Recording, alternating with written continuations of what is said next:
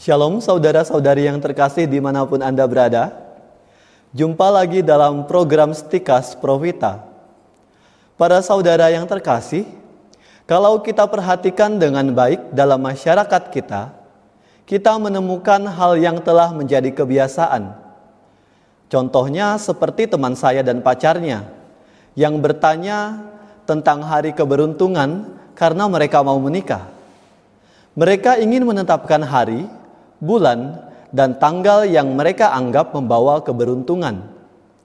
Kebanyakan adalah angka-angka cantik seperti tanggal 2002 2020 atau tanggal 2102 2021. Tentu ada banyak angka cantik yang dapat kita tambahkan di sini.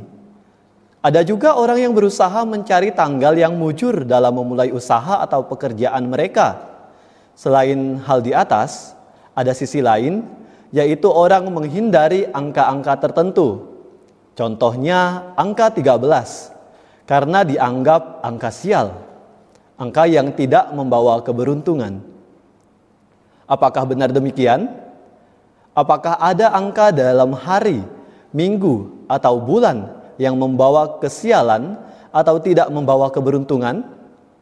Tentu, Iman kita tidak mengajarkan kita hal-hal demikian. Yang diajarkannya adalah bahwa semua hari itu baik. Ingat, dalam kitab Kejadian bab pertama, Allah menciptakan segala sesuatu baik adanya, termasuk Dia menciptakan waktu siang dan malam silih berganti, yang kemudian kita kelompokkan dalam hari, minggu, bulan, tahun, dan seterusnya.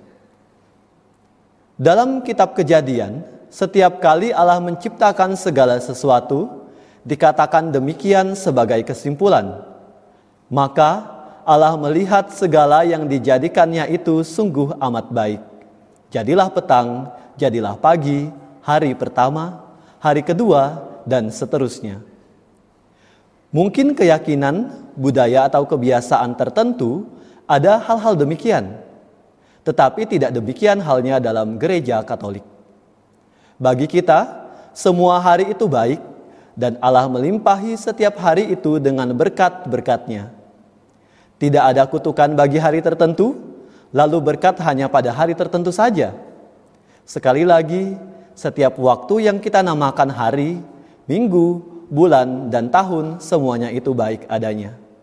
Karena memang Allah memberkati semua hari itu Berkat Tuhan itu tidak bergantung pada hari tertentu saja. Inilah yang perlu kita sadari. Dan berkat Tuhan terjadi sepanjang waktu dan setiap hari di dalam kehidupan kita. Dari mulai pagi sampai malam, selalu ada kelimpahan berkat dari Tuhan.